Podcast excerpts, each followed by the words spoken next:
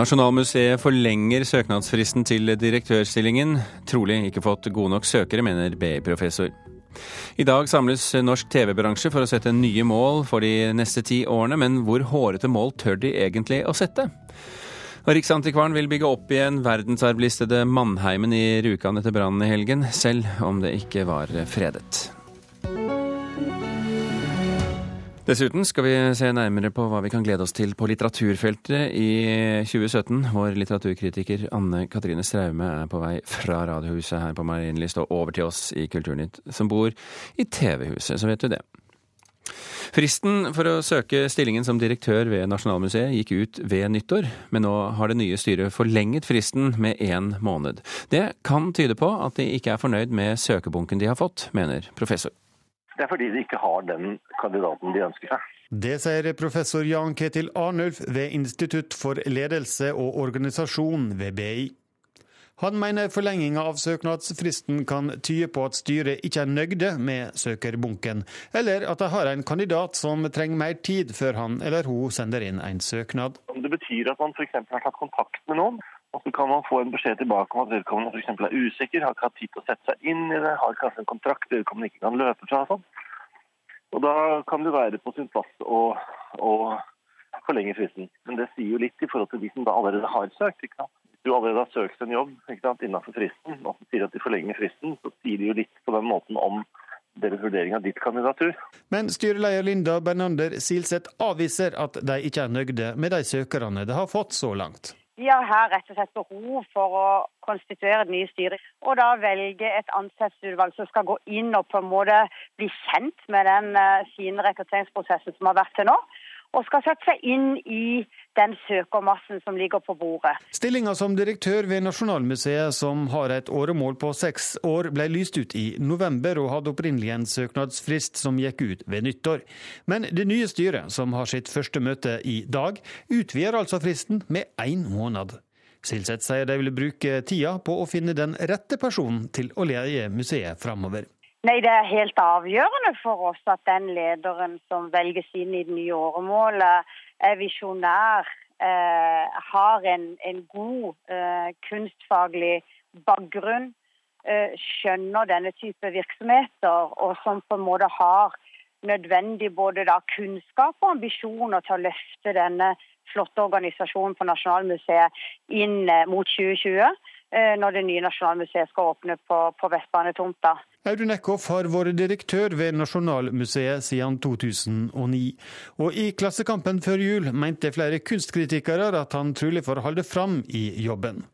Åra før Eckhoff overtok var prega av mye støy. Både Sune Nordgren og Alice Helleland trekte seg fra direktørjobben pga. konflikter. B-professor Jan Ketil Arnulf mener derfor det er mye som står på spill. Det har jo vært mye bråk om dette før. Dette er, en, dette, er en, dette er, en, stilling som det veldig ofte blir veldig mye, eh, veldig mye debatt omkring. Det har det alltid blitt før. Og det er veldig dyrt å mislykkes. Det er, det er veldig dyrt uh, og ubehagelig og skaper veldig mye gnisninger hvis man ikke lykkes med en, en leder som kan virke både inspirerende og samlende. Så det, det, er, eh, det er jo mye som står på spill, selvfølgelig. Reporter her, det var Espen Alnes. For ordens skyld så kan vi jo fortelle at vi eh, forsøkte i går å få kommentarer fra flere av de fremste norske museumslederne som kan tenkes å være potensielle søkere, men enten så svarte de ikke, eller så ønsket de ikke å kommentere saken. Kulturkommentator her i NRK, Agnes Moxnes. Det er mye som står på spill her, sa professor Jan Kjetil Arnulf. Tror du det nye styret er redd for å feile? Ja, det vil jeg tro. For det, er jo det valget de gjør nå. De kommer til å bli målt på i fremtiden. Og vi snakker om at de skal finne en person som skal ha full kontroll når det nye Nasjonalmuseet, som kommer til å bli det største i Nord-Europa, og sikkert også det dyreste museet, åpner i, i 2020.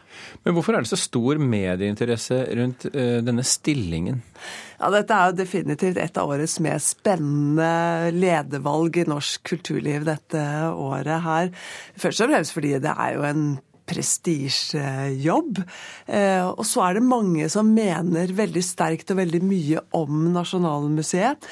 Og så er det sånn at sittende direktør Audun Eckhoff han har fått på pukkelen for ikke å være flink nok til å skape entusiasme rundt museet, og at han har vært for lite synlig, og at han har startet nedpakkingen av det gamle museet litt for tidlig før den, liksom, den virkelige flyttingen skal finne sted. Men, men hva betyr det da at Audun Eckhoff selv står på søkelisten her? Denne stillingen som direktør på Nasjonalmuseet, det er en kjempejobb. Så man skulle liksom tro at kanonene både fra inn- og utland står i kø for å sikre seg den eh, jobben der. Men jeg vil tro de tenker seg om to ganger nettopp fordi Audun Eckhoff står på søkelista. Det vet vi. Eh, og egentlig så er det også en ganske dramatisk avgjørelse hvis styret ikke går inn for Audun Eckhoff. Eh, fordi at han står jo nå midt oppi en jobb som, med å, å, sluttføre dette nye Nasjonalmuseet, som han da ikke får sluttført eh, hvis han ikke får denne, denne jobben. Da. Men likevel så, så, hevdes det her at de ikke har fått de kandidatene de ønsket seg. Betyr det at de ikke ønsker Eckhoff, da? Dette vet vi jo ikke. Det er debatt om Audun Eckhoff, det er det ikke noe særlig tvil om. Vi kan, vi kan, jo eh, fundere på hvorfor styret utsetter denne ansettelsen eller eh, søknadsfristen, men en av grunnene kan jo være, som den nye styrelederen Linda Bernander Silseth sier her, altså det nye styret skal konstitueres i dag, faktisk. Og man kan jo skjønne at de vil ha litt ekstra tid å områ seg på. Også søknadsfristen for operadirektør ble utsatt eh, til da den nye herr Bergkaste rakk å si opp på Høgskolen på Lillehammer og søke. Hva forteller det deg om hvor lett eller vanskelig det er å finne rett person? Det er en eh, krevende jobb å finne, så, altså finne kandidater til så krevende stillinger som dette er. Agnes Moxnes, takk for at du kommenterte.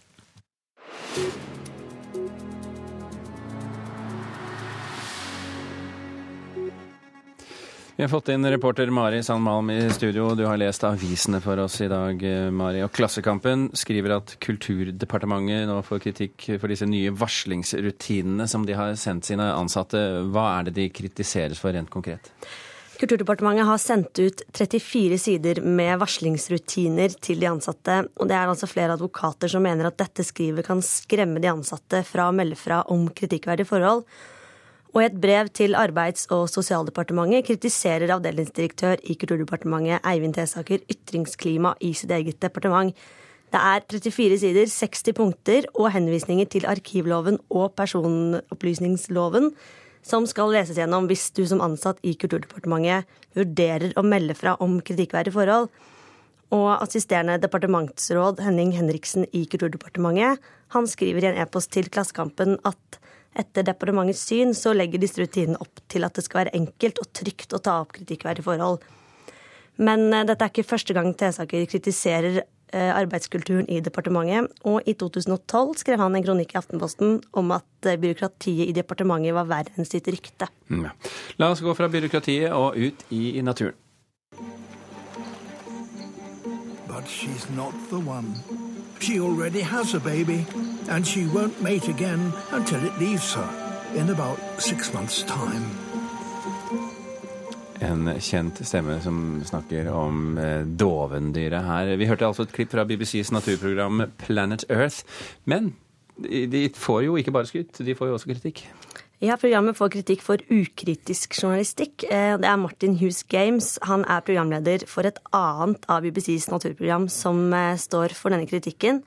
Og i avisen The Guardian, Guardian skriver han at Planet Earth er en katastrofe for verdens dyreliv.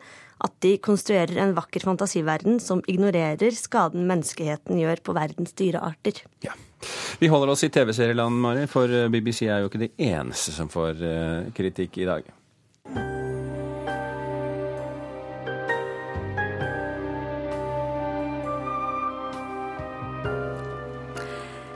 Dette her kjenner vi igjen.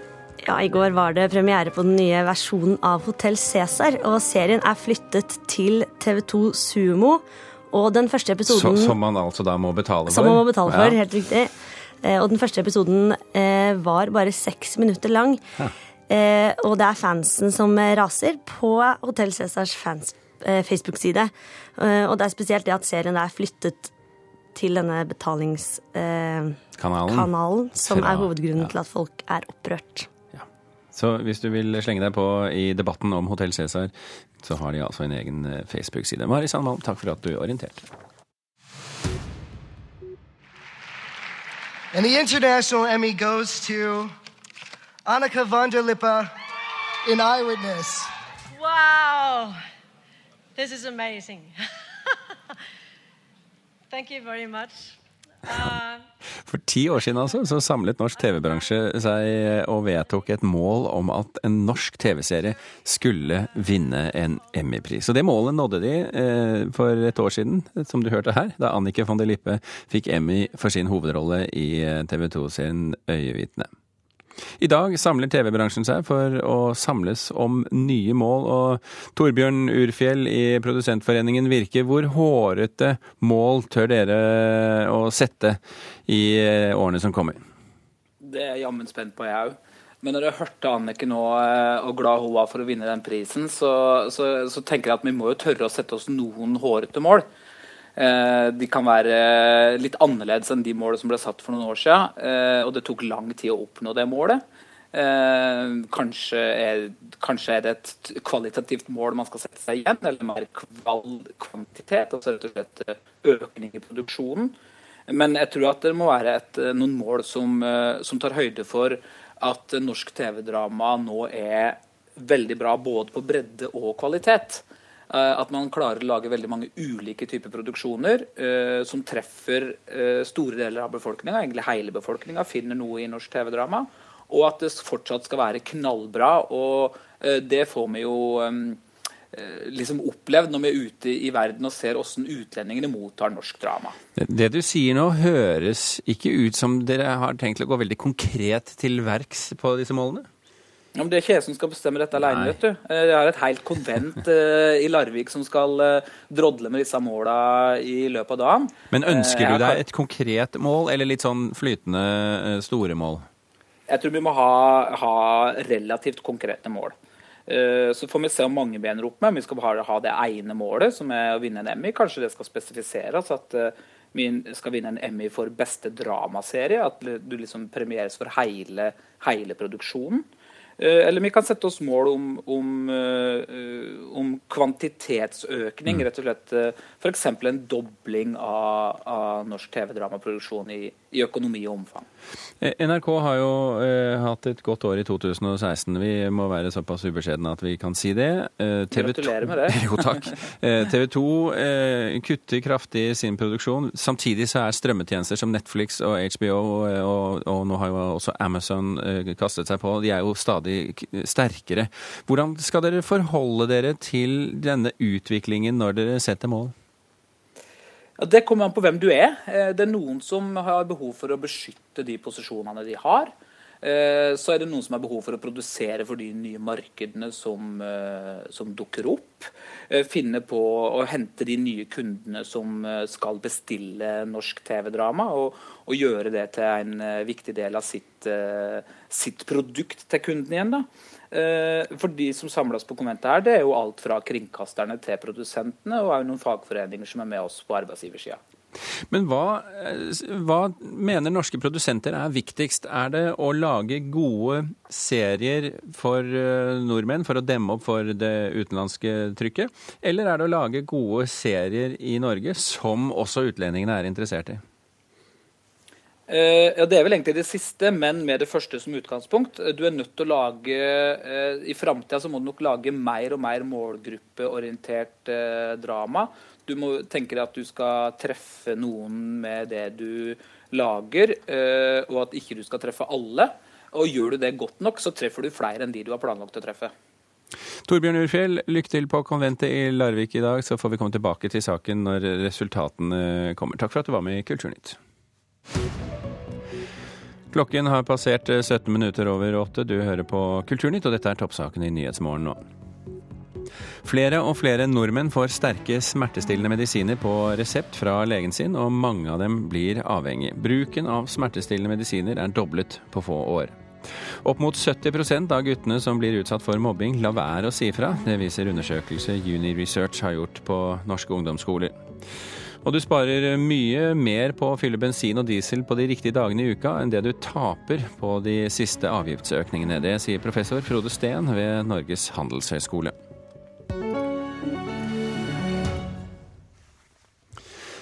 Riksantikvaren vil bygge opp igjen verdensarvlistede Mannheimen etter brannen som ødela de to øverste etasjene i den flotte murbygningen natt til lørdag. Det er eh, det 100 år gamle bygget det kom inn på Unescos verdensarvliste sommeren 2015 som en del av området Rjukan-Notoddens industriarv. Og for kunsthistoriker Stig Andersen var det tungt å se på Mannheimen i går. Det er jo ganske fælt syns jeg, å stå her og se på et knuste vinduer i fjerde etasjen, og hele taket er borte. og Veldig trist, altså. Det syns jeg virkelig det er. Man vet at et sånt bygg inneholder så mye historie. Det har vært mange ting her. Det har vært eh, gamlehjem, det har vært husmorskole, og nå var det asylmottak. da. Og selvfølgelig i utgangspunktet så var det dette hva for romkarer som skulle bo og arbeide her. Avdelingsdirektør hjå Riksantikvaren Hanna Geiran sier at de er glad for at ingen ble skadd i brannen. Men det er alltid trist når viktige kulturminner går opp i flammer. Det er jo et tap hver eneste gang. Grunnen til at Rjukan og Notodden har kommet på verdensarvlista til Unesco, er bl.a. den heilskapelige arkitekturen som både stedene har. Sam Eide var utdanna i Tyskland, og tok med seg moderne ideer når det gjaldt sosial bostadbygging og arkitektur. Og det er klart at Rjukan er det vi kaller en company town, altså en en by som ble bygget opp for eh, og rundt industrien, og veldig eh, spennende del av eh, norsk historie. Det var jo et ungkarshjem altså for folk som jobbet på Hydro som ikke hadde noe sted å bo. Altså enslige mannfolk, liksom. Så noe sånn storslått arkitektur er det ikke, men det er tegnet av en av Norges fremste monumentalarkitekter, heter Harald Aars, som også var byplansjef i Oslo kommune. Og han eh, har jo tegnet masse veldig store og flotte bygg, så dette er et godt arkitektonisk hus. Men det var jo aldri beregnet på å være liksom en sånn arkitektonisk perle, men et praktisk og flott bygg, det var det virkelig. Mandheimen skulle ha vært pussa opp nå. Pengene som var satt av, blir nå trolig bruka på restaurering etter brannen. Nå skal vi jo ta en pust i bakken og få oversikt over situasjonen. Og så eh, er jeg helt sikker på at vi har et utmerket samarbeid både med fylke og kommune for å, for å se nærmere på hvordan eh, Mannheim kan settes i stand. Men det tror du at det kommer til å ville? Det er ingenting som tyder på at vi ikke skal få til det, nei. Moralt sett så er det helt på si nesten nødvendig at det skjer. Hadde bygget vært fredet, da måtte man gjøre det. Men i dag så må man av moralske årsaker og av historiske årsaker, vær så god, sette det opp igjen som det var. Nå skal Riksantikvaren ha et møte med fylket tidlig i neste uke. Da vil vi helt sikkert eh, få mer informasjon om hva som har skjedd. Tenk på hva som skjedde i Tyskland etter annen verdenskrig. Hele byer var borte omtrent, og det bygget opp igjen. Og jeg tror at det går fint an også her å få sjelen tilbake. Det handler om ikke bare eksteriøret, men det handler om den gjenkjenneligheten som bygget har for Rjukan-folk. Og det vil jo ha dersom det kommer opp og blir stående som det en gang sto. Og reporter her, det var Anne Langvik. Og mens Riksantikvaren ønsker å bygge opp igjen eh, bygg som allerede er regnet som verdensarv, så jobber andre for å få flere norske kulturuttrykk inn på Unescos eksklusive liste. I Setesdal håper man nå på at én, eh, to, tre på det fjerde skal det skje.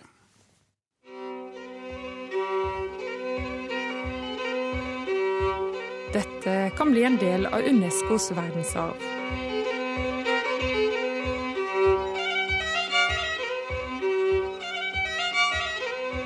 Setesdal spellemannslag vil nå gjøre et fjerde forsøk på å få hardingfelespill, kveing og dans på Unescos representative liste over verneverdig immateriell kulturarv. Dette er en tradisjon som ennå er livvandig og i utvikling. Sier Astrid Rustad, leder i Setesdal spellemannslag. Dette er selvsagt viktig for skjave kulturtradisjoner. Men det er klart òg, vi håper jo at det har betydning for turismen. Siden 2003 har Unesco gitt immaterielle kulturuttrykk status som en del av verdens kulturarv. På lista står bl.a. tangoen i Argentina og Uruguay. Og kambodsjansk skyggeteater. I desember fikk Oselver-tradisjonen, en 1000 år gammel båtbyggertradisjon fra Os i Hordaland, plass på lista. Det er første gang en nordisk tradisjon får verdensarvstatus, og det gir Rystad grunn til optimisme. Vi håper jo at dette baner vei for oss, så at vi kan bli nestemann. Reporter her, det var Miriam Grov. Og så kan vi bare ta med at uh, noe av grunnen til at uh, det har tatt flere forsøk på å få hardingfelespill, kveing og dans inn på verdensarvlisten, det er at Kulturdepartementet har ønsket å få på plass en nasjonal oversikt over immateriell kulturverdi før de sender søknaden fra Setesdal videre til UNESCO. Og denne oversikten håper man nå skal være på plass i løpet av uh, våren.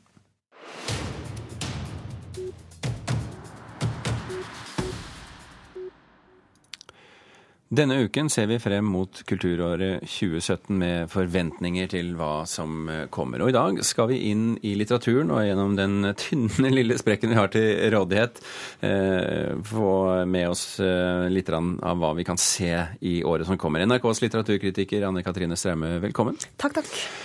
Eh, skal vi gå løs på, eh, på det generelle først? Eh, det, hvordan ser 2017 ut i, så, som litteratur? Hva som kommer når på året? Ja, det er nesten rart å se fremover når man nesten akkurat er ferdig med et år. og Det er jo så mange bøker som er utgitt, og så mye man ikke har rukket å lese. Ja. Og så mye som fortjener å bli lest fremdeles. Syns ikke synd på deg. Nei.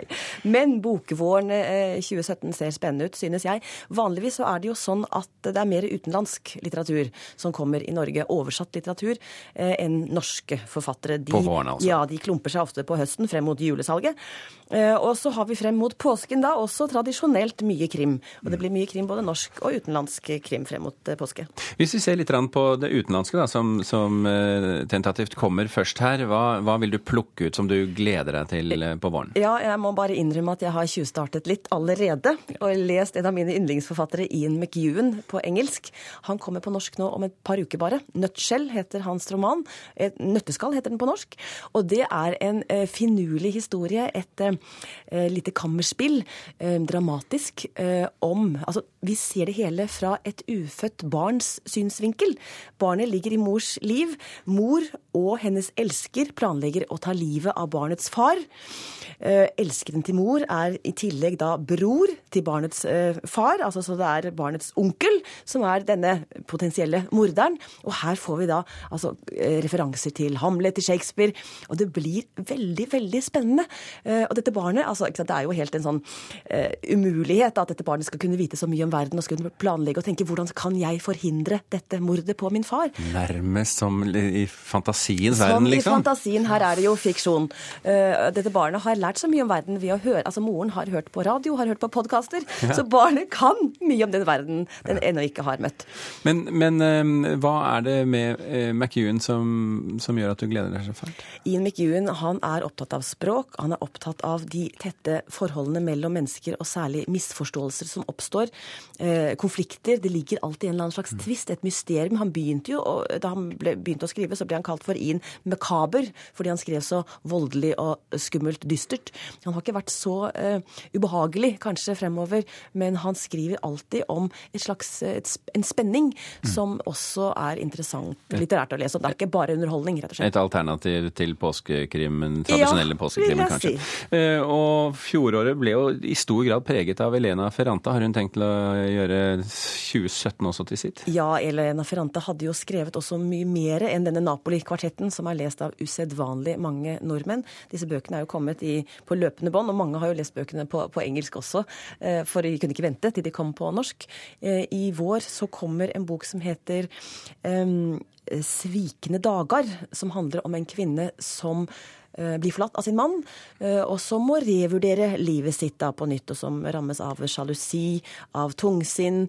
Um, og denne boken, som ikke kommer før i mars, som også er oversatt av Kristin Sørsdal, som har fått mye ros for oversettelsen av de andre bøkene, den begynner faktisk som opplesningsserie på Det Norske Teatret denne uken. Det er flere som har tjuvstarta? Man, kan få ja, man kan få smakebiter allerede før boken kommer. Og så kommer det en oppfølger til denne boken eh, i oktober, så Ferrante er vi ikke ferdig med med det det første. Og så har du plukket ut en du aldri har lest før, så vidt jeg forstår? Ja, det er altså den Men du gleder deg likevel?